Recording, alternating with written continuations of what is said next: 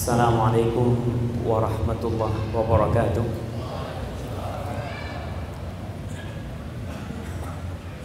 Alhamdulillah. Alladhi bini'matihi tatimmu salihan Segala puji bagi Allah Jalla Jalaluh Yang karena nikmatnya kebaikan-kebaikan menjadi sempurna Yang karena rahmatnya niat-niat baik hamba dapat terlaksana Kita semua yang sampai hari ini masih dalam kondisi Islam Itu karena nikmat Allah kepada kita. Maka tiada yang pantas untuk dipuja tiada yang layak untuk disanjung kecuali hanya Allah semata jalla fi'ula Allahumma salli wa sallim wa zid wa barik wa an'im wa rasulika nabiyyina Muhammad ibn Abdullah wa ala alihi wa ashabi ajma'in Ya Allah Semoga salawatmu Semoga salammu Semoga berkah dan nikmatmu Senantiasa kau curahkan untuk hamba kekasihmu Untuk Nabi kita Baginda Nabi Muhammad Sallallahu alaihi wasallam Dan untuk keluarga beliau Untuk istri-istri beliau Untuk putra-putri beliau Dan untuk seluruh sahabat Nabi Yang terutama untuk Abu Bakar As-Siddiq untuk Umar bin Khattab, untuk Uthman bin Affan dan untuk Ali bin Abi Talib radhiyallahu taala anhum ajma'in. Amma ba'd. Ma'asyiral ikhwah rahimakumullah. Subhanallah. Ternyata di Pulau Bali yang mungkin dikenal dengan pulau entah ada berapa jumlah patung yang ada di pulau ini tapi ternyata banyak orang-orang yang mengenal Allah Subhanahu wa taala di tempat ini yang mau menyisihkan waktunya untuk duduk mendengarkan sedikit dari firman-firman Allah yang akan dibacakan atau sunnah-sunnah Rasulullah Sallallahu Alaihi Wasallam yang akan disampaikan. Kita baru saja menyelesaikan Ramadan Tanggal berapa hari ini? Tanggal berapa? Tanggal 15 Syawal, 15 15 Tanggal 16 Antum lupa dulu Kalau matahari sudah terbenam Kita ini udah pindah tanggal. Makanya anda lihat pengumumannya salah tuh. Tanggal 15 tuh tadi sebelum matahari terbenam. Nah, itu tanggal 15. Tapi setelah matahari terbenam, kita berpindah ke hari yang selanjutnya, yaitu tanggal 16 Syawal. Sebagai pertanda sudah 16 hari atau 16 malam kita meninggalkan bulan Ramadan.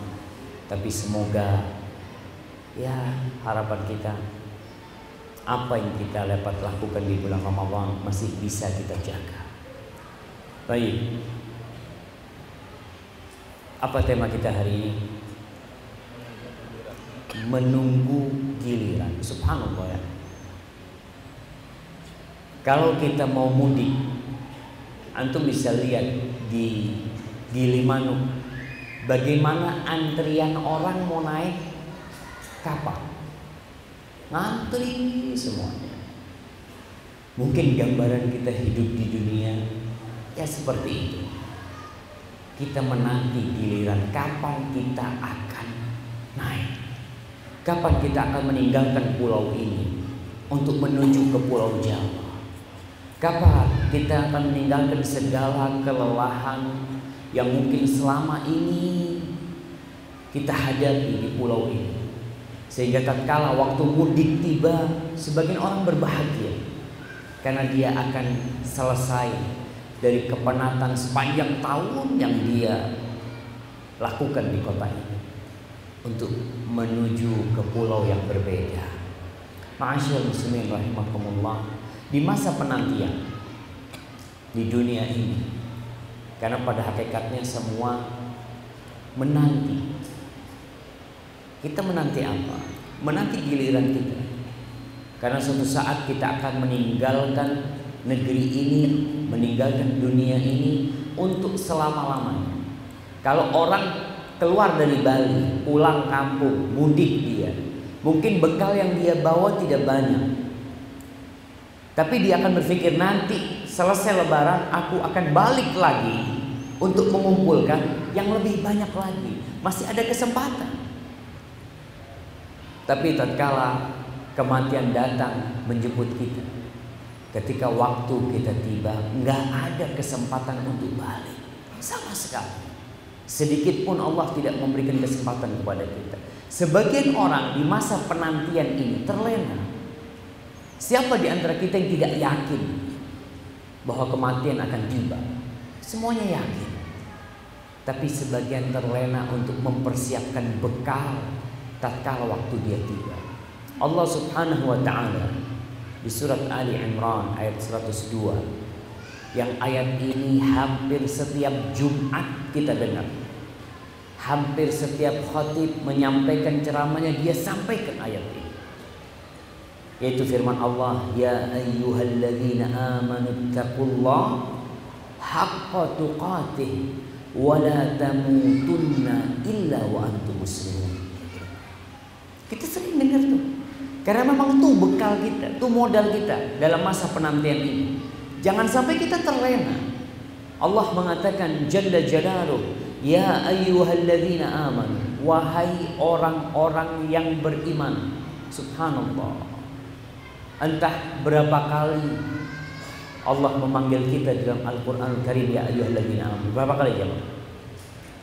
Ada berapa panggilan Allah ya ayyuhalladzina amanu di Al-Qur'anul Karim. Anak kasih hadiah. Ramadan kemarin biasanya orang-orang pada sibuk menghatamkan Al-Qur'anul Karim. Paling tidak kasih tanda tuh setiap ya ayyuhalladzina amanu ini panggilan Allah yang pertama, ini panggilan Allah yang kedua, ini panggilan Allah yang ketiga sehingga kita tahu berapa kali Allah manggil kita. Belum lagi yang dipanggil ya ayyuhan nas lebih umum lagi belum lagi yang dipanggil ya bani Adam. Tuh dipanggil kita di sini. Tapi ya ayyuhalladzina amanu berapa kali Allah panggil kita? Masa nggak ada yang jawab? Ya ayyuhalladzina. Masya Allah, ada yang mau jawab sih? Anak izin minum dulu lagi.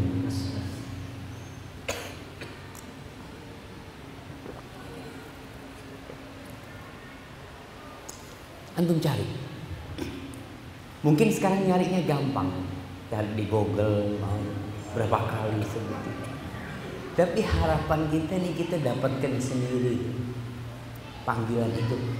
Syekh Abu Bakar Jazairi menulis sebuah kitab khusus tentang panggilan Allah ya ayyuhalladzina amanu. Semuanya disebutkan.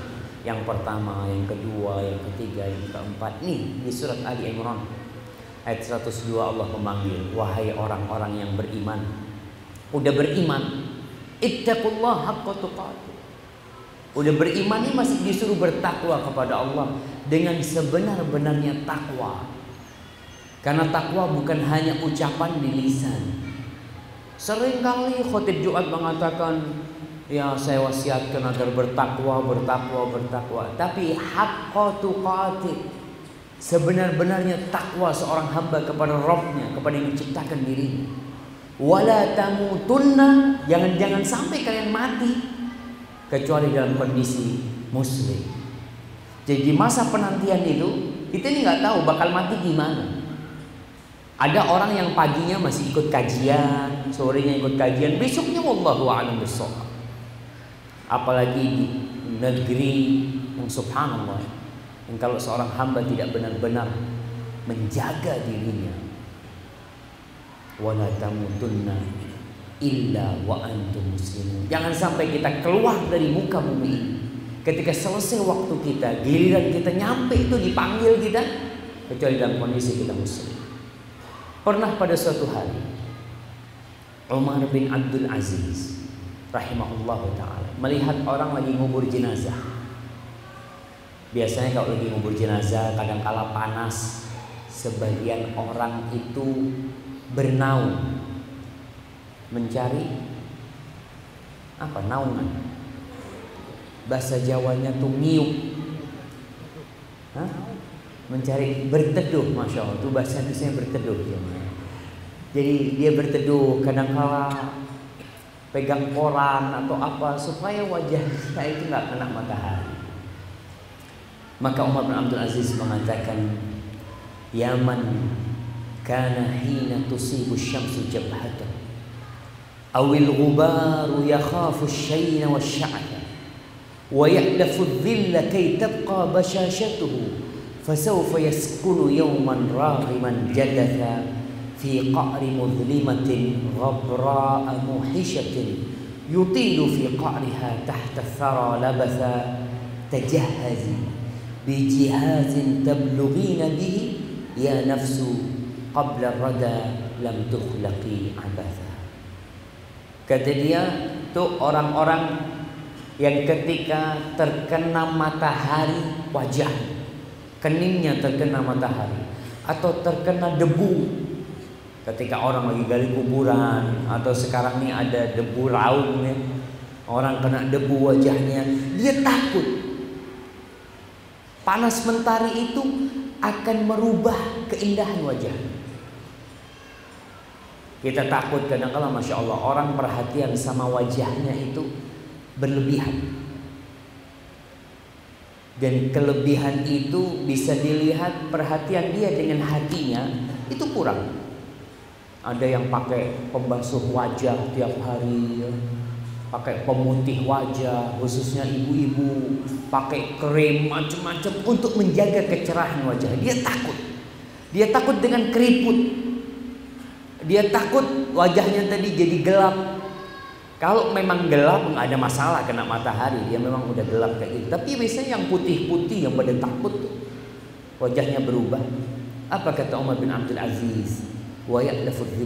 Dia senang bernaung, senang berteduh untuk menjaga wajahnya yang tampan atau yang cantik. Maka Umar bin Abdul Aziz mengingatkan, ingat bahwa suatu hari engkau akan menjadi bangkai yang tidak bisa bergerak. Engkau akan berada di dalam tanah yang ditutup dengan tanah sendirian tanpa ada teman. Di situ engkau akan lama menanti. Jadi wajahnya yang dulu dijaga ingat satu hari wajah itu akan ditutup dengan tanah nanti. Kemudian di situ dia akan berteman dengan ulat dengan belatung dengan apa? Nggak ada lagi yang kau jaga selama ini habis terus apa yang harus dilakukan maka Umar bin Abdul Aziz mengatakan kepada diri ya nafs Kau cobalah siap-siap sebelum datang waktumu itu. Pada hakikatnya engkau tidak diciptakan sia-sia. Ma'asyar muslimin rahimakumullah, kita memang tidak disiapkan atau diciptakan sia-sia. Ada perbedaan signifikan antara manusia dengan binatang. Beda banget kita. Ramadan bukti kalau kita berbeda dengan binatang. Kita kenapa beridul fitr? Apa sih artinya Idul Fitr? Jemaah. Apa artinya Idul Fitr? Kembali berbuka. Orang banyak menerjemahkan Idul Fitr kembali fitri, kembali suci. Secara bahasa Idul Fitr kembali berbuka. Terus apa kemuliaan orang kembali berbuka? Itu kemuliaan seorang muslim di sini. Di situ nampak sekali bahwa si muslim ini manusia. Dia berbuka karena Allah. Kau kenapa kau berbuka? Kenapa kau sarapan? Kenapa kau makan siang? Karena Allah membolehkan aku makan. Kalau Allah larang aku selama sebulan, aku nggak pernah sarapan, aku nggak pernah makan siang. Kenapa? Karena Allah melarang aku. Jadi dia benar-benar menjadi seorang hamba, memposisikan dirinya itu fitr. Dia berbuka karena Allah membolehkan dia berbuka. Di situlah manusia tidak diciptakan sia-sia. Allah Subhanahu wa taala memberikan contoh tentang kehidupan kita di dunia ini supaya kita sadar untuk apa dan kenapa kita berada di sini. Allah Subhanahu wa taala berfirman di surat Al-Kahfi ayat 45 46 wadrib lahum mathal al-hayatid dunya kama in anzalnahu minas sama fakhtalata bihi nabatul ard فأصبح هشيما تذروه الرياح وكان الله على كل شيء مقتدرا Kata Allah Subhanahu wa taala, bikinkan buat orang-orang itu permisalan. Permisalan kehidupan dunia. Kehidupan dunia ini seperti air hujan yang kami turunkan kata Allah ke bumi dari langit kemudian bercampur dengan tanah tumbuh di situ tumbuh-tumbuhan dunia. Kita sekarang di musim kemarau kita akan melihat bagaimana tanah-tanah kering. Kehidupan dunia ini seperti tanah kering itu. Ketika Allah turunkan air hujan, masya Allah, tumbuh rumput, tumbuh tumbuhan, tumbuh nasi, tumbuh beras itu padi, ya. tumbuh jagung hijau, masya Allah. Kemudian faasbah shiman. Berapa lama sih padi, gandum, jagung itu akan tetap menghijau? 4 bulan, 5 bulan, setahun, masa Kemudian akan datang masanya tadruhur dia. Udah nggak ada artinya lagi dia. Angin pun menghempaskan dia. Wa kana Allahu ala kulli syai'in muqtadira. Allah Maha kuasa atas segala sesuatu. Dan itulah kehidupan dunia. Kemudian Allah mencontohkan lagi, "Wa ma hadhil hayatud dunya illa lahu wa la'ib." Wa inna daral akhirah lahiyal hayawan law kanu ya'lamun. Kata Allah, kehidupan dunia ini tidak lain hanyalah lahun wala'in. Hanya sendagoro, hanya main-main. Kehidupan yang sebenarnya adalah kehidupan akhirat. Berapa lama kita akan hidup di dunia? Berapa lama jamaah itu makan di sini? 70, 80, enggak lama yang 100 tahun sudah jarang. Kehidupan ini yang 70 tahun lahu walai, permainan. Tapi ada orang yang lengah dengan permainan itu. Kalau mungkin saya boleh contohkan, dulu ada namanya permainan monopoli. Tahu Jangan main monopoli. Dunia itu mungkin kurang lebih seperti main monopoli. Antum lihat orang lagi main ya. Di situ nanti dia bisa beli rumah, dia bikin rumah, dia bisa beli hotel, dia bikin hotel, dia punya duit banyak, senang untuk main. Setelah itu ditutup, selesai, nggak ada apa-apa. Inti fullnya nggak bisa dipakai nih full. Ini cuma permainan. Rumahnya inti ya nggak bisa. Hotel yang inti punya, enggak ada, cuma permainan. Betul. Kita lihat orang-orang yang punya hotel, punya rumah, dibawa ke mana rumah sama hotel? Enggak ada. Sama sekali nggak ada yang dibawa. Selesai ketika waktunya habis, orang main monopoli ditutup tuh, selesai. Mana rumahmu nggak ada. Itu cuma main-main. Aku cuma main. Duitmu kok banyak dapat berapa juta? Nggak ada, itu cuma permain. Begitu pula kehidupan kita. Wa inna daral akhirah lahiyal hayawan. Kehidupan yang sebenarnya di akhirat. Kadang-kala orang sibuk dengan permainan, dengan bikin rumah, bikin terus dia sibuk. Gak ada yang dia sisakan untuk dia bawa. Gak ada, dia tinggal. Laukanu ya'lamun. Andai kata mereka itu tahu. Disebutkan sebagian salaf pada hari raya Idul Fitr. Dia melihat orang banyak kumpul dengan pakaian-pakaian yang indah ya. Dengan ya kita tahu ketika Idul Fitr orang pakai baju baru, pakai sandal baru, pakai macam-macam semuanya baru. Kemudian dia berkata kepada salah satu di antara mereka, "Hal tarawna illa kharfan tubla aw lahman yakul hudud Kau lihat tuh orang-orang tuh yang pakai baju baru semua tuh, mereka tidak lain hanya kain yang akan menjadi pusat dan daging yang akan dimakan oleh ulat besok. Kita kadangkala terpedaya dengan pemandangan-pemandangan, melihat rumah orang mewah ini mewah, lupa dengan kehidupan yang hakiki. Maka Rasul Shallallahu Alaihi Wasallam mengingatkan kita bahwasanya Allahumma la aisha illa aishul akhir. Ya Allah nggak ada kehidupan kecuali kehidupan akhirat. Dunia ini bakal ditinggal semua. Tidak ada sedikit pun yang akan dibawa semuanya. Maka kalau kita melihat seorang muslim diperintahkan untuk ingat bahwa dia sedang menanti giliran itu supaya dia sadar. Dia supaya sadar bahwa dia itu di masa penantian ini harus mempersiapkan diri. Yunus ibn Ubaid mengatakan, "Ma taraka dzikrul maut lana qurrata ainin fi ahli walama."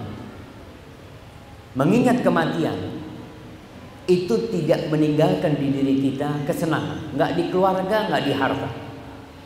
Ketika orang ingat aku bakal mati, ketika dia melihat anaknya, ya, melihat istrinya, melihat rumahnya, ketika dia ingat dengan hal itu, nggak ada tuh kesenangan buat dia. Apa yang akan menjadikan dia bersuka hati ketika tahu rumahnya bakal dia tinggal? Anak-anakku bakal ngusir aku dari rumah itu pasti. Ketika seorang ayah mati, apa ada anak yang menyimpan bangkai ayahnya di rumah? Disimpan tuh janganlah bapak, orang ini bapak sudah ya bapakku ini bangun rumah ini 30 tahun. Masa baru lima tahun ninggalin rumah ini harus keluar dari rumah. Banyak kita lihat orang tuh biasanya baru berhasil setelah umur 40 tahun, 50 tahun baru mulai punya rumah, mulai punya villa. Tinggal di villanya dua, dua bulan, dua tahun mati. Subhanallah. Padahal dia kerja 40 tahun demi punya villa. Maka ma'asyil muslim, ketika kita ingat, itulah yang akan kita bicarakan sebenarnya. Bagaimana seorang muslim menghadirkan di dalam dirinya satu kepastian yang akan dihadapi. Yaitu dia bakal mati kelak. Ma'asyiral muslimin rahimakumullah. Ada salah seorang raja-raja Arab disebutkan oleh Ibn Rajab dalam kitabnya Lataiful Ma'arif. Raja ini membangun Khawarnaq Wassadir. Dia membangun sebuah kota di Irak yang disebut Khawarnaq dengan bangunan-bangunan yang mewah. Sadir adalah bangunan dengan kubah-kubah yang indah. Lalu dia berkata, melihat kepada kerajaannya, kepada istananya. Dia berkata kepada ya menteri-menterinya. Dia katakan, "Hal alimtum ahadan utiya mithla ma uti?" Apakah kalian mengetahui orang yang dikasih kerajaan, kekayaan seperti yang aku miliki? Kalian pernah tahu? Tanya nih sama orang. Karena memang kota itu benar-benar indah dan bangunannya bangunan pertama mungkin yang ada. Mungkin sekarang orang bikin bangunan tertinggi di dunia. Seperti itu kira-kira. Fakal la maka tuh rakyatnya pejabat-pejabat mengatakan enggak ada. Warajulun minhum sakit. Ada satu orang yang diam. Enggak menjawab. Fakal lalu dia berkata kepada raja, "Ayyuhal malik, In adintali takallamtu. Wahai raja, lihat nih adab ya seorang yang berilmu ketika ngomong itu nampak dari cara dia berbicara. Dia mengatakan kepada raja itu, "Wahai raja, kalau kau memberikan izin kepada aku untuk berbicara, aku akan berbicara." Faqala takallam. Maka raja itu mengatakan, "Silakan kau berbicara." Qal Orang ini berkata, "Ara'aita ma jama'ta?" Asyai'un huwa laka lam yazal wa yazulu? Am huwa syai'un kana liman qablaka wa zala anhu wa sara ilaika wa kadzalika yazulu anka? Wahai raja kau lihat yang kau kumpulkan ini. Apakah itu sesuatu milikmu? Lam yazul yang tidak yang belum pergi dan tidak akan pergi atau yang kau miliki ini sesuatu yang kau wariskan dari orang-orang sebelum. Dulunya nih kerajaan ini milik orang-orang sebelum engkau. Kemudian pemiliknya hilang, mati, kemudian pindah kepada engkau dan kelak ini juga akan berpindah dari tanganmu. Apa kata raja? Dulu ini milik bapak-bapak, milik sesepuh-sesepuhku kemudian berpindah kepada aku. Maka dia mengatakan dan ini pun akan hilang dari aku. Qan fasurirta bi syai'in tazulu anka ladzatihi wa tabqa tabi'atuhu 'alayhi takunu fihi qalilan wa turtahan bihi tawilan. Wahai raja, gimana engkau bersenang-senang, bergembira dengan sesuatu yang keenakannya, kelezatannya akan pergi. Kenikmatannya akan hilang, akan sirna. Dan engkau akan dimintai pertanggungjawaban dengan apa yang kau bangun, yang kau kumpulkan ini semua. Dan engkau akan kelak dimintai pertanggungjawaban atas semua itu panjang sekali nanti. Lalu raja itu menangis. Qala ainal mahram? Lalu di mana tempat berlari? Tempat melarikan diri dari semua ini. Dia mengatakan imma an tuqim wa ta'mal bi ta'ati rabb.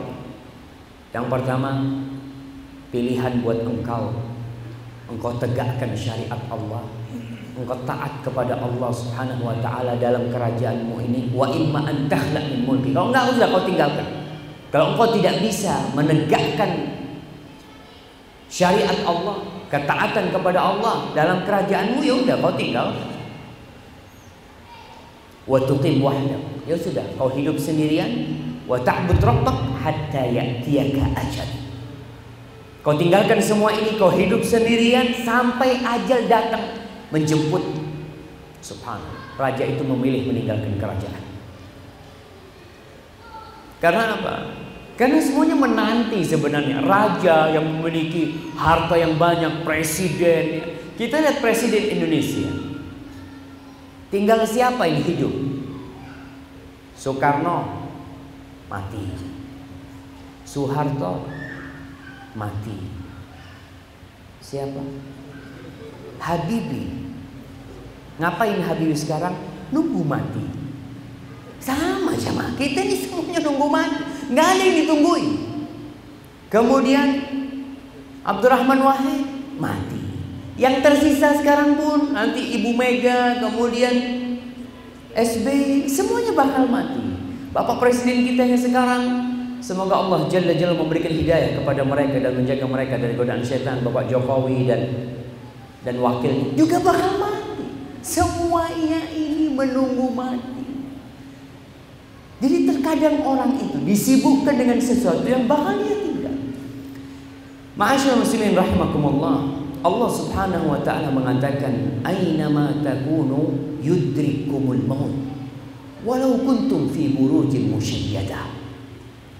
Di mana pun engkau berada, di mana pun engkau berada, walaupun di benteng yang kokoh, mati akan datang. Seorang jenderal bintang 4 dengan pasukan berjumlah mungkin 100 ribu dengan tank-tank yang menjaga dia dia di belakang nunggu duduk memerintahkan kepada bala tentaranya dengan bodyguard bodyguard mati datang. Tahu-tahu dilihat sudah mati. Subhanallah. Selesai. Kalau datang malakul maut itu enggak ada yang bisa menghalang. Kemudian kita lihat sekarang di akhir zaman ini banyak orang mati mendadak. Ini membuat kita lebih takut lagi. Orang pagi lagi sarapan, seret mati. Orang lagi masya Allah naik motor, subhanallah. Saya di Madinah melihat bukan orang naik motor, ke kuburan Baki, ke kuburan Baki lagi ziarah ke sana. Ada orang pegang air, dia minum gemeter dia dia pegang pegang tembok, pegang tiang yang ada di situ. Tahu-tahu dia jatuh, habis. Subhanallah. Bagaimana dengan mautul fujah, dengan mati mendadak? Apakah mati mendadak itu termasuk husnul khatimah atau su'ul khatimah? Tergantung. Mautul fajah itu kata Rasul sallallahu alaihi wasallam rahatun lil mu'min Mati mendadak itu adalah istirahatnya orang yang beriman. Karena nggak perlu sakit lama-lama ya. Kalau dia mukmin ya, nggak perlu dia lama-lama di rumah sakit, opnam di sana pindah-pindah, rohat tempat istirahat. Tapi buat orang kafir, buat orang fasik, buat orang fajir itu akhdatu ada. karena dia belum sempat tobat sudah mati. Maka jangan sampai itu datang kepada kita dalam kondisi kita tidak siap. Ma'asyil muslimin rahimakumullah. Seorang ketika berdagang, investasi, buka usaha, ada satu opsi yang selalu hadir dalam musyawarah mereka, dalam diskusi mereka, yaitu bagaimana kalau rugi. Ini menghasilkan nggak? Oh ini insya Allah menghasilkan ini kata dia. Prospeknya cerah, banyak tuh masukan-masukan. Opsi kerugian ditakutkan oleh investor. Karena jangan sampai duit anak-anak taruh di sini nggak balik tuh. Tapi jarang di antara mereka yang bertanya, gimana kalau aku mati? Lagi bikin loh, ini mau bikin usaha, ini insya Allah lima tahun. Gimana kalau dua tahun aku mati? Gak pernah dia bikinkan. Padahal itu lebih pasti daripada kerugian. Kematian itu lebih pasti daripada kerugian. Tapi orang tidak pernah berpikir. Bahkan usaha manusia ya orang-orang dari barat yang kehidupan mereka adalah materialisme. Mereka ingin menjauhkan manusia dari ingat mati. Negeri kita pun dipengaruhi. Tata kota negeri kita di Jawa umpamanya itu ada usaha untuk menjauhkan kuburan dari kota jadi kuburan itu digusur ya. Digusur. Kata dia tidak sesuai dengan tata kota. Kuburan itu ditaruh di dalam. Masuk gang yang ada di kota adalah gedung-gedung yang tinggi. Sehingga orang tidak ingat mati. Coba kita berangkat ke mall sebelahnya mall kuburan. Masya Allah kan? Bawa barang. Ya Allah ini bapak anak sudah mati di situ. Tunggu, tunggu. Assalamualaikum pak. Ya Allah. Kita akan ingat mati tapi itu kehidupan materialisme mereka membuat tata kota yang orang tidak ingat dengan mati padahal itu pasti Mau orang kafir, mau orang mukmin pasti akan mati. Maka Rasul Sallallahu Alaihi Wasallam menganjurkan kepada kita untuk ziarah kubur agar kita ingat mati. Agar supaya kesibukan kita dengan dunia kita, apalagi kalau sudah kata Rasul Wasallam, suara apa ini? Yang berapa ada Isya? Alhamdulillah. Baik.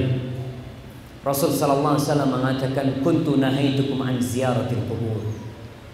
Aku dulu melarang kalian untuk ziarah kubur. Ala fazuruha. Fa innaha tudzakkirul akhir. Kunjungi kuburan kata Rasulullah. Ziarahi kuburan. Fa innaha tudzakkirul akhir. Itu akan mengingatkan kalian kepada akhirat. Maka Al-Imam An-Nawawi Beliau menjelaskan bahwasanya diperbolehkan seorang muslim berziarah ke kuburannya orang kafir. Boleh. Karena tujuan ziarah kubur itu bukan hanya untuk berdoa. Kalau berdoa buat orang yang mati, di mana saja kita bisa. Di tempat ini, selesai sholat, ketika sujud, tengah malam, antara agan dan komat, doakan orang tua kita. Tapi kalau mau ingat mati, ke mana? Ke kuburan. Datang ke kuburan orang paling kaya di Bali umum. Iya, datang. Ini kata subhanallah, tuh perusahaannya banyak, dia punya hotel tiga, punya rumah delapan, eh ditinggal semuanya. Orang kalau orang pintar kan dibawa seharusnya dia. Orang yang pintar, anak sebelum mati, anak mau bawa, ternyata dia tinggal. Rasul sallallahu alaihi wasallam dalam hadis riwayat Tirmizi mengatakan, "Aksiru dzikra hadimil ladzat." Perbanyaklah kalian mengingat hadimul ladzat yang memutus, yang menghancurkan kelezatan, itu kematian. Suruh sering-sering kita mengingat. Maka dengan adanya kajian, kadang-kala kajian tentang kematian, nggak pernah berhenti.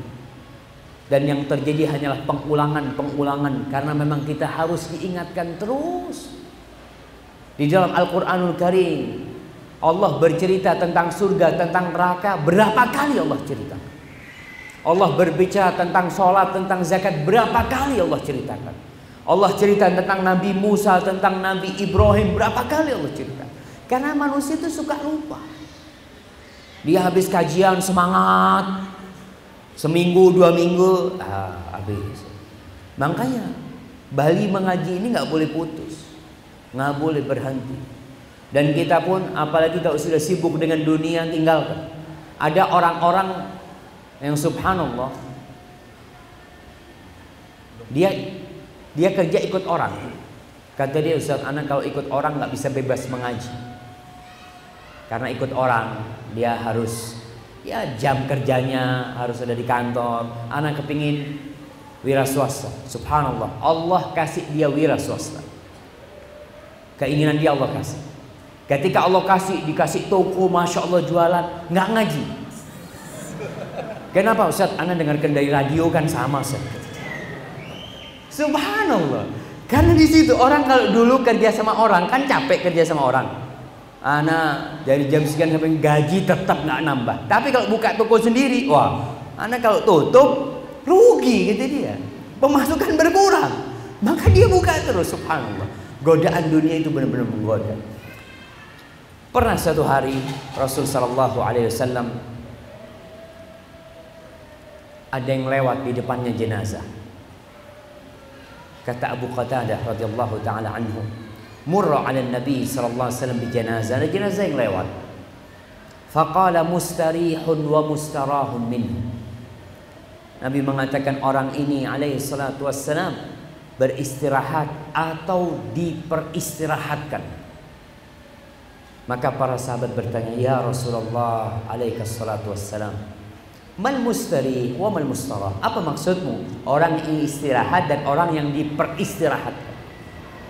Maka beliau bersabda alaihi salatu wassalam, "Al-'abdul mu'min yastarihu min ta'abid dunya wa adaha ila rahmatillah." Seorang hamba yang beriman dia beristirahat dari kelelahan dunia, dari kepenatan dunia, dari penyakit-penyakit dunia menuju ke rahmat Allah Subhanahu taala orang yang beriman. Maka orang yang beriman ketika ditaruh di atas pundak lelaki, diangkat ke kuburan. Rasul sallallahu alaihi wasallam mengatakan dia akan menyeru. Mengatakan apa? Apa yang dia katakan ketika dia diangkat ke sana? Apabila dia beriman dia mengatakan qaddimuni qaddimuni segerakan aku segerakan aku karena dia tahu dia menuju ke mana? Menuju ke rahmat Allah Subhanahu wa taala. Dia ingin segera. Begitu pula orang ketika meninggal dunia seorang mukmin yang dia sudah capek di dunia ini bekerja untuk Allah Subhanahu wa taala beribadah Sholat lima waktu dia laksanakan puasa, zikir terus capek dia. Sehingga dia beristirahat dari kepenatan dunia menuju ke mana? Menuju kepada rahmat Allah taala. Itu orang yang beristirahat. Adapun orang yang diperistirahatkan adalah al-fajir. Orang yang nggak benar. Preman-preman umpamanya ya. Orang-orang yang memang tidak pernah beribadah kepada Allah yang suka mengganggu masyarakat. Apa kata Rasul SAW? Yastarihu minhul ibad wal bilad wasyajar wal dawa. Dia diperistirahat. Orang-orang akan beristirahat dari dia, nggak akan dapat godaan dia. Kemudian negeri akan aman, pohon-pohon pun akan aman dari dari tangan dia. Binatang-binatang pun akan aman. Kita lihat kalau ada preman atau orang-orang yang suka mengganggu mati, masyarakat itu senang. Alhamdulillah kata dia. Kok nggak dari dulu mati dia? Subhanallah. Karena orang seperti ini akan membuat orang lain istirahat. Dia nggak istirahat. Dia akan menuju kepada agam Allah Subhanahu wa taala. Hadis ini diriwayatkan oleh Imam Bukhari dan Muslim. Faedah ketika orang ingat dia sedang menunggu giliran. Terus ya semakin umurnya ketika matahari itu terbenam dia tahu subhanallah umurku berkurang sehari. Jadi apa yang diadakan di Indonesia ulang tahun. Dulu nenek kakek kita nggak ada ulang tahun. Nggak ada. Tanyakan sama nenek gitu. Kemarin saya kedatangan tamu dari Sumbawa dia kasih KTP, lahir tahun berapa dia? 43 apa 53? Tanggalnya tanggal 1 bulan 1 53. Betul ini Pak, tanggal 1 bulan 1. Enggak tahu saya kita saya.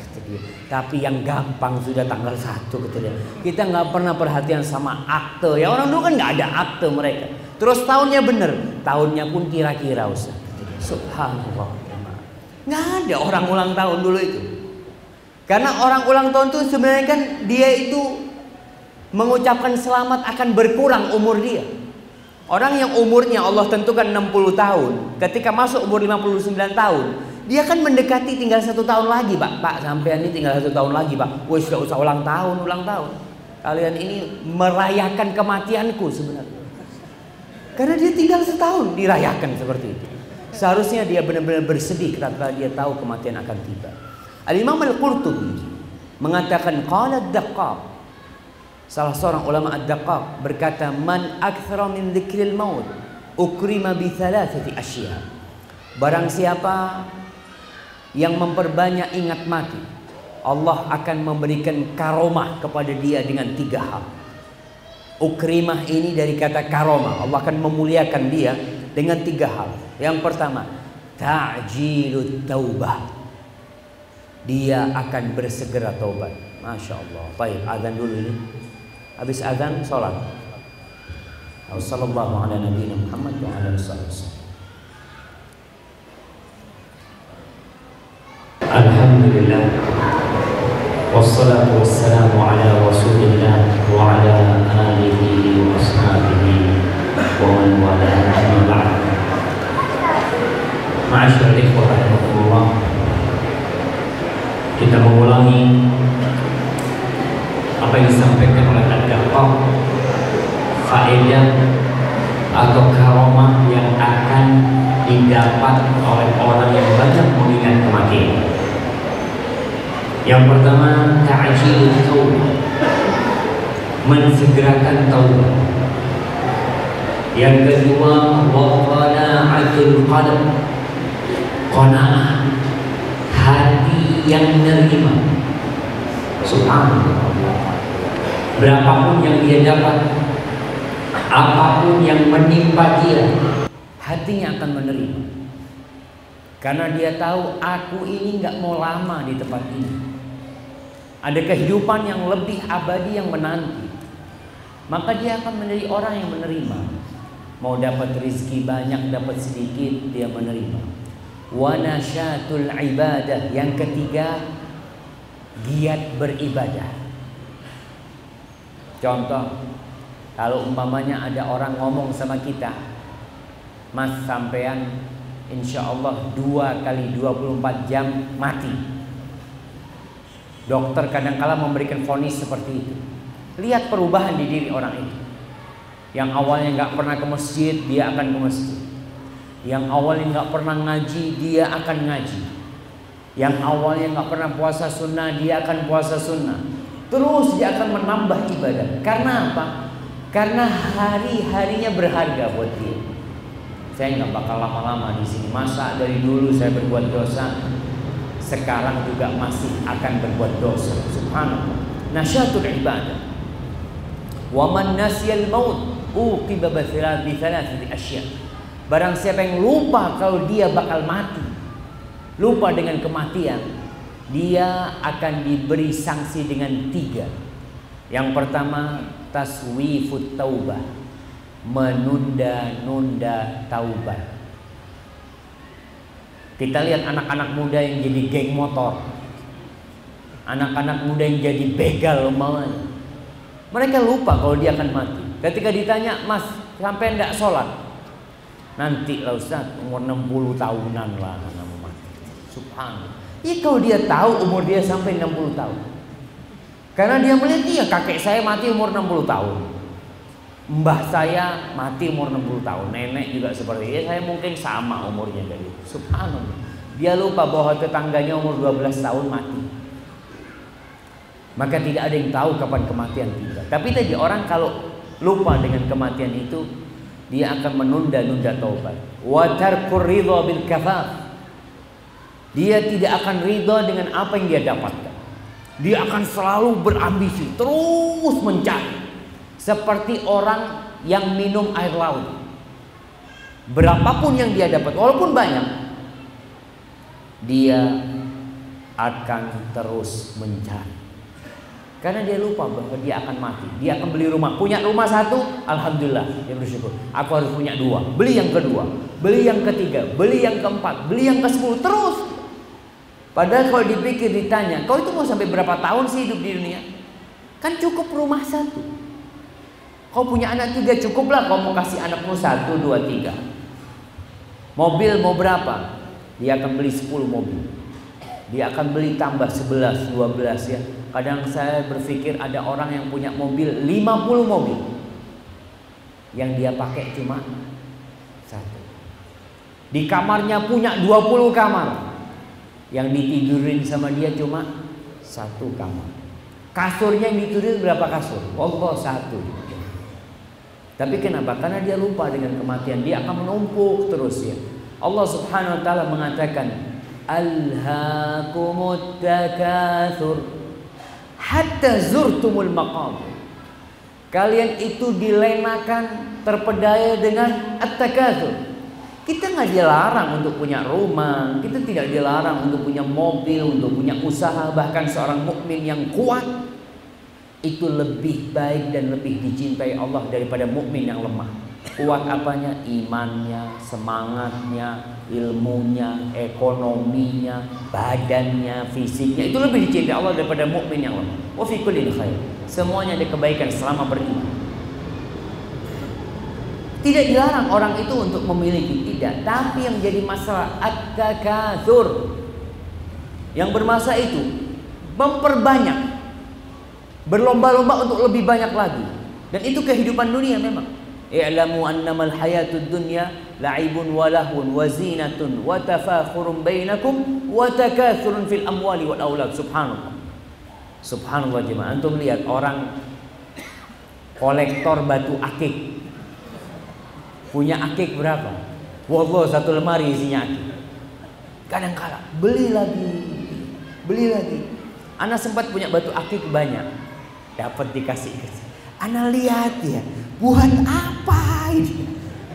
Yang dipakai cuma satu gitu kan. Tapi subhan, itulah kehidupan dunia. Tafakur. Bangga-banggaan. Ente punya batu akik berapa beli?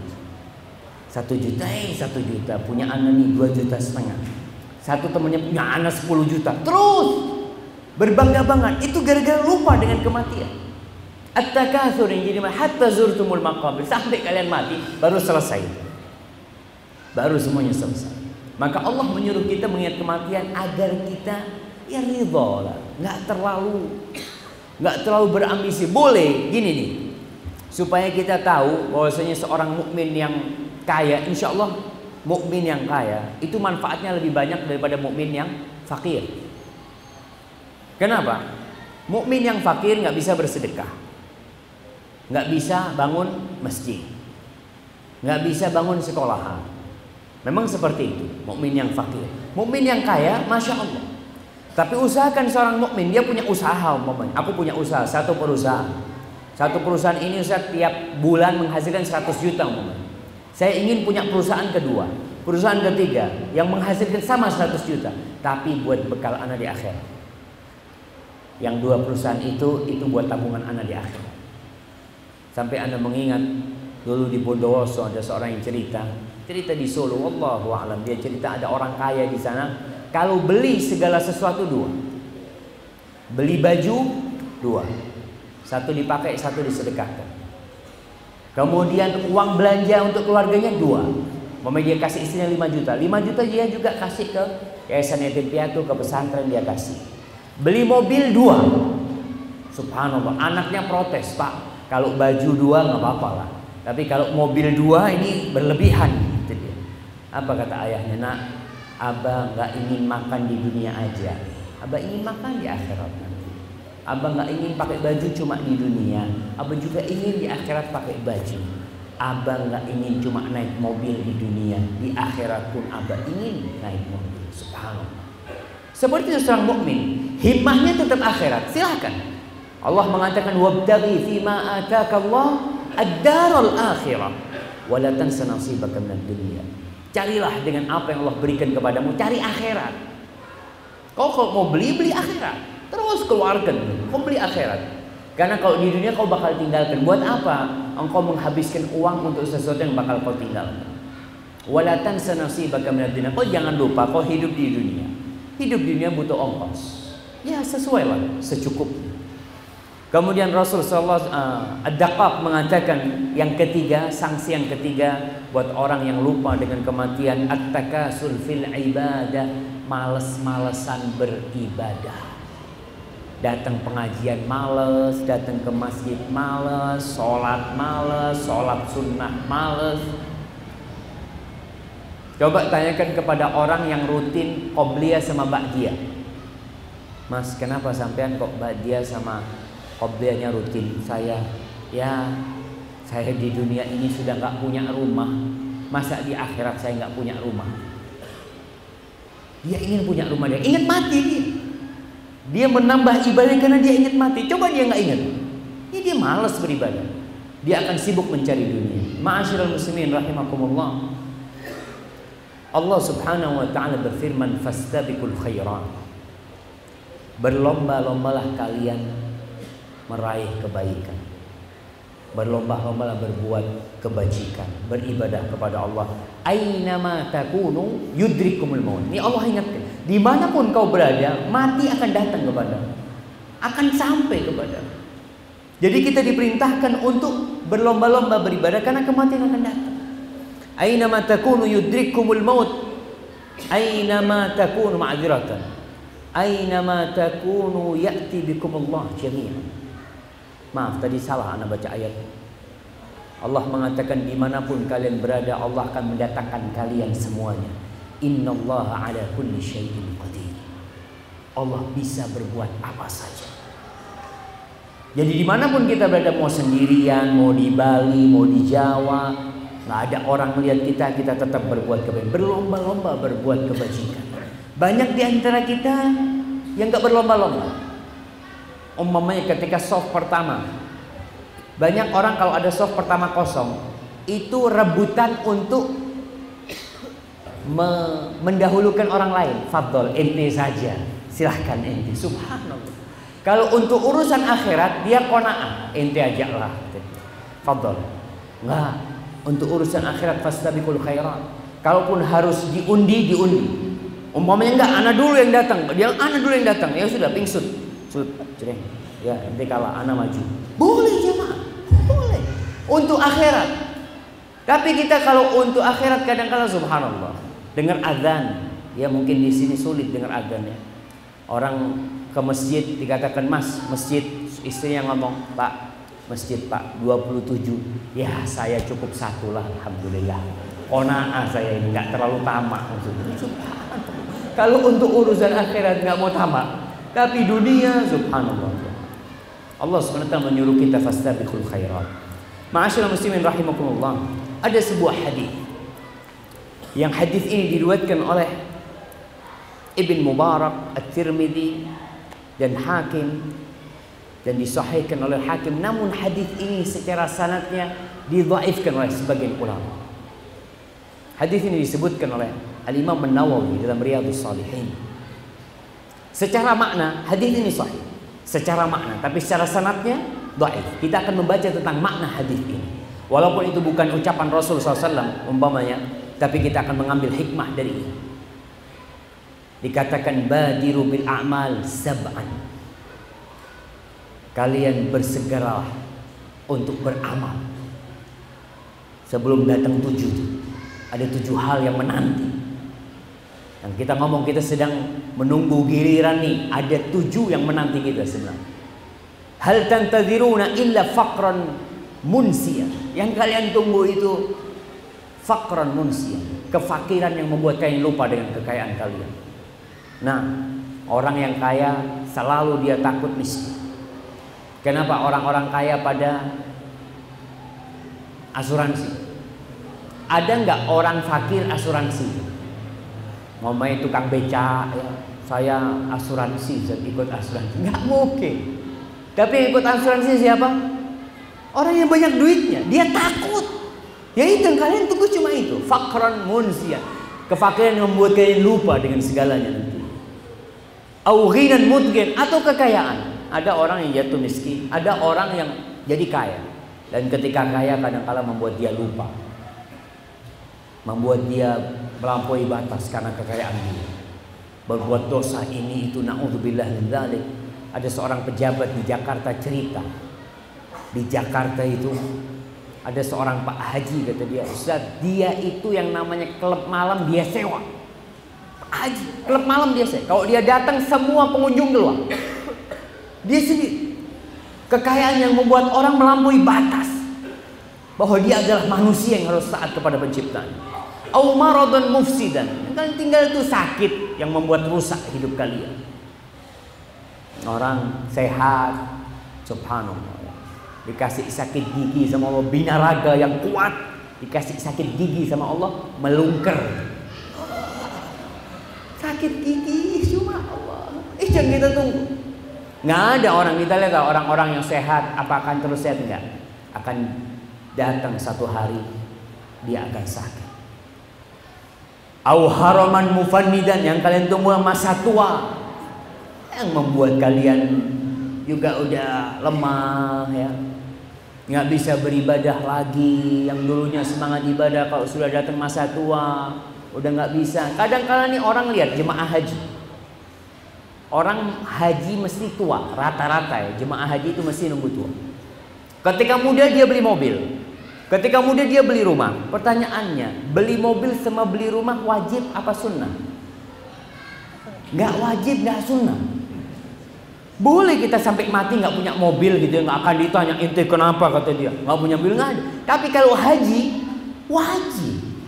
Walillahi 'alan nasi hajjul baiti man istata'a ilaihi sabila. Allah punya kewajiban atas orang-orang itu untuk berhaji yang mampu. Jadi ketika kita mampu, sehat, jangan nunggu tua untuk berangkat haji. Apalagi sekarang kalau daftar sekarang kapan berangkat? Di Bali berapa? 20 tahun, Masya Allah. Kita kalau umur 50 daftar jamaah. Umur 70 baru berangkat. Udah kakek-kakek itu ya subhanallah. Dia akan ya Allah, andai kata aku berangkat muda ya. Karena haji ini ibadah fisik. Betul. Banyak jemaah haji yang tinggalnya jauh dari Masjidil Haram itu ke Masjidil Haram cuma sekali. Ketika umroh dan ketika haji. Itu sudah. Selesainya di rumah saja. Karena apa? Takut Ustaz. Takut nggak bisa pulang. Kalau berangkat ke Masjidil Haram semua taksi tahu. Stop taksi. Masjidil Haram semuanya tahu. Tapi kalau pulang saya mau pulang. Ke mana rumahnya sampai taksi banyak yang nggak tahu. Maka ingat jangan sampai nunggu masa tua. Cepat beramal sebelum tua itu tiba. Mampu sekarang punya uang umur 25 tahun, alhamdulillah. Saya punya duit, bismillah. Orang kadang-kala berpikir, "Ustaz, saya puter dulu duitnya." Nanti kalau diputer dapat untung, saya kan bisa berhaji. Allahu akbar. Putar dapat untung, Ustaz modalnya semakin besar, semakin banyak untungnya. Puter lagi. Sampai umur 50 tahun baru daftar haji. Subhanallah. Kadang-kala anak Ya Ustaz anak-anak masih kecil saya nggak mau berangkat haji nunggu besar. Oke, yang kecil besar lahir yang kecil lagi. Yang kecil besar ya. Sampai kapan seperti itu? Bismillah. Berangkat haji jangan sampai karena ini termasuk ibadah tadi yang saya katakan butuh butuh fisik. Jangan nunggu tua. Karena orang yang sudah tua tidak bisa beribadah seperti anak muda. Apalagi perjalanan ada yang orang harus pakai kursi roda ya Kemudian dikatakan au mautan mujahizan atau mati yang bakal tiba. Itu yang ditunggu oleh manusia. Kalau nggak dia akan miskin, dia akan kaya, dia akan sakit, dia akan tua, dia akan mati. Itu semua yang ditunggu manusia. Au dajjal. Fasyarru ghaibin yuntazar. Atau yang kalian tunggu adalah dajjal. Satu hal yang gaib yang paling buruk yang ditunggu-tunggu adalah dajjal awis sa'ah atau yang kalian tunggu adalah kiamat. Fasa'atu adha wa amat. Dan kiamat itu lebih dahsyat lagi ketika tiba lebih pahit lagi maka ma'asyil muslimin sebelum ketujuh hal yang kita tunggu itu segera kita beramal. Semoga Allah subhanahu wa ta'ala memberikan kekuatan kepada kita. Untuk ingat mati ziarah kubur banyak bersedekah, banyak beramal, terus sebelum semuanya datang. Yang miskin, yang kaya sekarang cepat bersedekah, jangan nunggu miskin.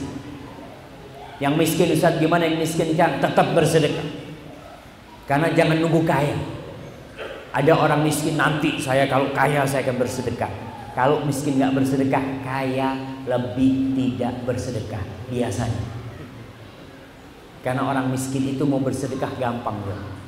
Saya sering kasih contoh kalau antum di dompet antum punya duit 10 ribu. Cuma 10 ribu duit. 5 ribu, 5 ribu, 5 ribu dua potong. Antum mau sedekah 5 ribu gampang. 50 persen. Antum bismillah. Ketika uang antum 1 juta. 100 ribu 10. Ya, sama 5 ribu satu. Mana yang antum sedekah? Tetap 5 ribu kayak dulu. 50 persen. 500 ribu. Masih mampu orang itu 500 ribu. Ketika uang antum 10 juta. Tambah kaya nih antum kan?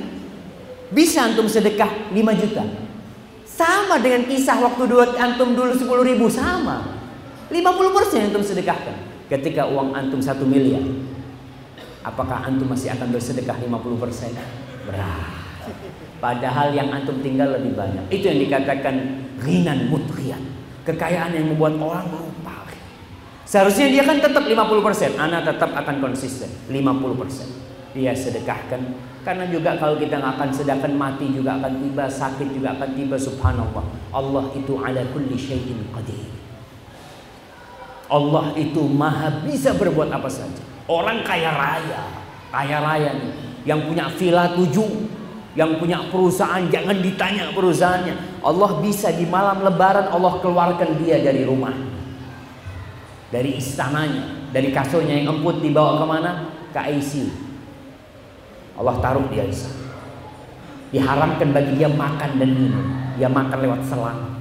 Diharamkan bagi dia bernafas dengan oksigen yang gratis ini harus bayar dia oksigen. Apa menunggu seperti itu orang akan beramal? Jangan. Baliru bil amal, cepat-cepat kita beramal. Semoga Allah Jalla Jalla memberikan taufik kepada kita dalam amalan kita. Hada wallahu a'lam itu yang bisa kita kaji pada kesempatan kali ini mungkin akan masuk ke pertanyaan ini. Masya Allah, Ustaz, apakah BPJS itu benar untuk agama Islam? Antum muda MUI gimana sih fatwanya? MUI mengatakan tidak sesuai dengan syariah. Insya Allah anda lihat ada usaha-usaha pelemahan MUI Padahal itu majelis ulama Indonesia yang harus didukung. Ya. Kalau memang masalah yang ada khilaf ya, yang memang MUI mungkin menguatkan satu permasalahan, ya kita harus berlapang dada dalam masalah itu. Tapi anda lihat apa yang dikeluarkan oleh MUI, BPJS tidak sesuai dengan syariat, memang belum sesuai dengan syariat. Belum. Insya Allah ke depan bisa diperbaiki untuk menjadi syariat. Kita nih jauh dari ilmu. Tahun 80-an tanya, apa ada yang pakai kerudung? Tahun 80-an. Coba lihat foto-fotonya ustadz-ustadz zaman dulu. Umpamanya uh, mungkin dulu ada fotonya orang-orang Muhammadiyah, fotonya orang-orang NU kiai-kiainya, foto-foto kuno itu, itu anak lihat nggak ada yang pakai kerudung.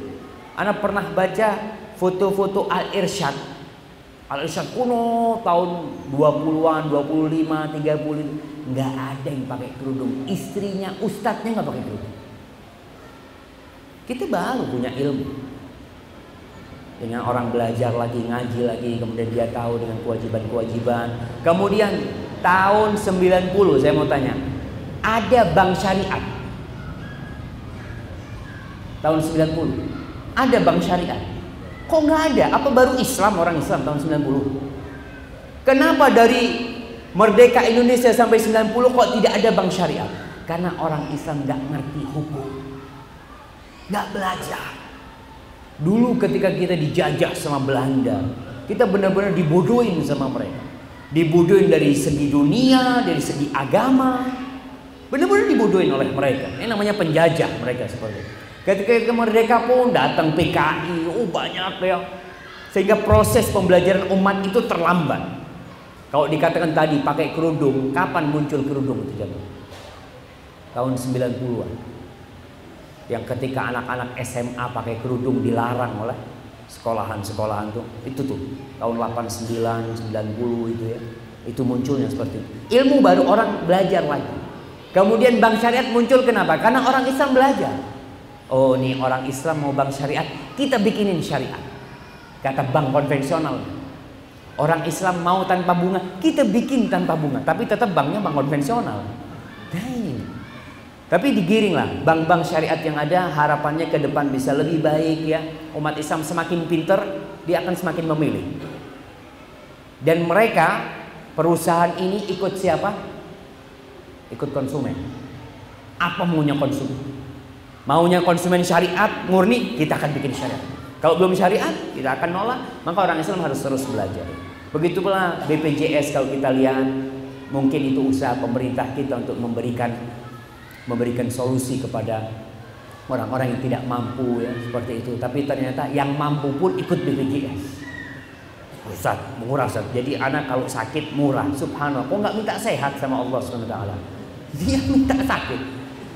Jadi kalau anda lihat fatwa MUI itu adalah satu pengajian yang mungkin sudah final nih dan harapannya ke depan BPJS bisa diperbaiki. Mungkin ada sisi-sisi yang memang harus diperbaiki seperti bank-bank syariat kita juga masih ada sisi-sisi yang harus diperbaiki. Harapannya ke depan bisa lebih baik. Kita doakan bersama dan kita kawal bersama insya Allah.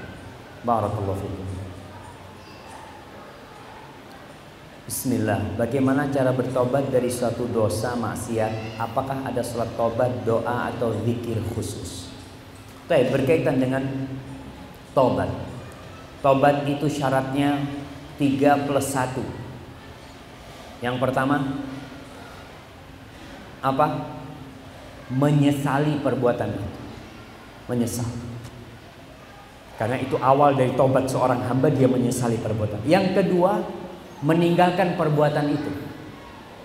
Orang kalau menyesal harus meninggalkan. Jangan orang kayak pemain judi dia ana wallah ana menyesal. Ana menyesal sambil ngocok dia terusnya. Eh inti menyesal harus ditinggalkan tuh ngocoknya. Tinggalin tuh. Itu konsekuensi orang yang bertobat, menyesal meninggalkan, kemudian yang ketiga bertekad untuk tidak mengulangi, bertekad untuk tidak mengulangi bukan tidak mengulangi, tapi niat untuk tidak mengulangi. Karena kadangkala hamba ini sudah niat tidak mengulangi, tapi dia mengulangi lagi. Jangan putus asa, kembali lagi kepada Allah Subhanahu wa taala. Kemudian gitu lagi, mungkin dia udah bertobat nggak mau ngulangi. Setelah berbulan-bulan dia bisa kuat, tahu-tahu kena angin dia melakukan kembali lagi kepada Allah Subhanahu wa taala. Tapi niat untuk tidak mengulangi, bertekad untuk tidak mengulangi. Yang keempat adalah apa? Kalau itu berurusan dengan anak Adam, dengan manusia, maka kita harus berurusan, menyelesaikan urusan itu dengan dia, dengan meminta maaf, dengan meminta dihalalkan, dengan mengembalikan barang dia kalau kita mengambilnya, yang seperti itu. Adapun berkaitan apakah ada sholat taubat, memang sholat taubat itu adalah sholat insidental ketika kita berbuat dosa. Kemudian kita bertobat kepada Allah ketika itu Rasul sallallahu alaihi wasallam menyuruh seorang hamba untuk bersolat. Falyusbighil wudu wal yusalli rak'atain. Dia hendaklah menyempurnakan wudunya, salat dua rakaat. Kalau dia di salatnya itu la yuhadditsu fihi ma nafsah. Dia tidak dia khusyuk, tidak ngobrol dengan dirinya, tidak macam-macam pikiran dia, Allah akan ampuni dosa-dosa dia. Tapi sholat tobat ini bukan sholat rutinitas. Tiap malam sholat tobat tiap pagi sholat tobat bukan jadi kalau kita pas berbuat dosa dan kita ingat ya Allah ambil untuk sholat itu termasuk amal soleh dari kita yang semoga dihapuskan dosa kita oleh Allah Subhanahu Taala. Kemudian banyak-banyak berzikir. Kalau zikir khusus ya istighfar. Istighfar. Rasul sallallahu alaihi wasallam di satu majlis saja beliau mengatakan Rabbighfirli wa tub alayya innaka antat tawwabul ghafur mi'ata marrah. Ya Allah, ampuni aku, beri tobatmu kepadaku sesungguhnya engkau maha menerima tobat dan maha pengampun. Itu seratus kali satu majlis Nabi. Maka banyak-banyak beramal soleh banyak-banyak berdoa. Semoga Allah taala mengampuni dosa-dosa kita yang telah lalu. Apakah orang muslim yang telah mendapatkan azab di dunia tidak akan diazab lagi di akhirat? Apakah orang muslim yang telah diazab di dunia tidak akan diazab lagi di akhirat? Terserah, tergantung. Bukan terserah, tergantung. Azab yang dia terima sudah impas apa belum? Karena Allah Subhanahu wa taala berfirman, "Laisa bi amanikum wala amani ahli kitab man ya'mal su'an yujzam wala yajid lahu min dunillahi waliya wala nasira. Barang siapa berbuat dosa pasti dibalas. Tinggal lihat balasannya sudah sesuai belum. Nanti kalau balasannya belum impas, dikubur mungkin dia disiksa. Kalau sudah selesai mungkin di akhirat dia tidak disiksa lagi. Tapi kita paling tidak jamaah bertobat kepada Allah Subhanahu wa taala. Semoga Allah mengampuni dosa-dosa kita. Baik. Mungkin ada pertanyaan yang lainnya.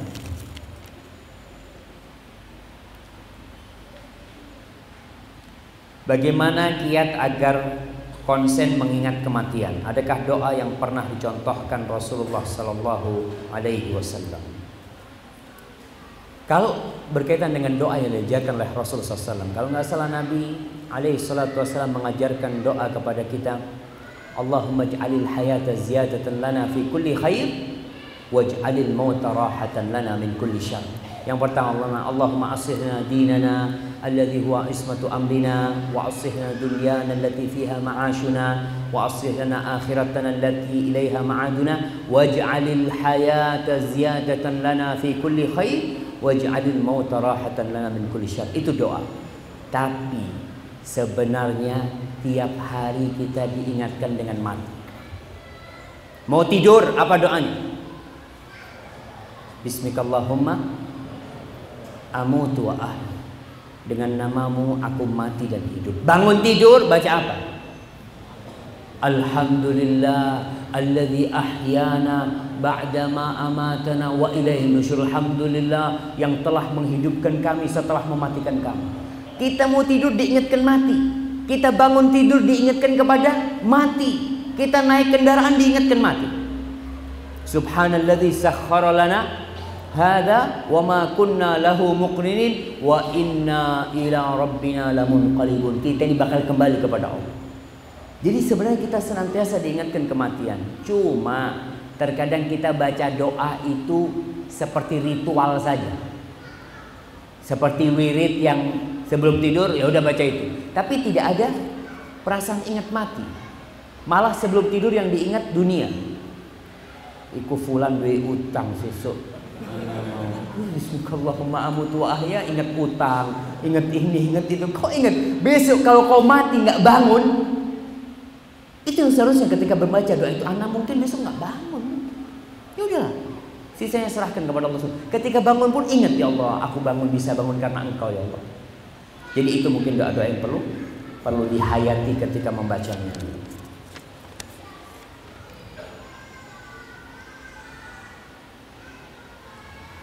Wallahu a'lam. Siapakah orang yang paling merasakan sakitnya sakaratul maut? Orang-orang kafir tentunya.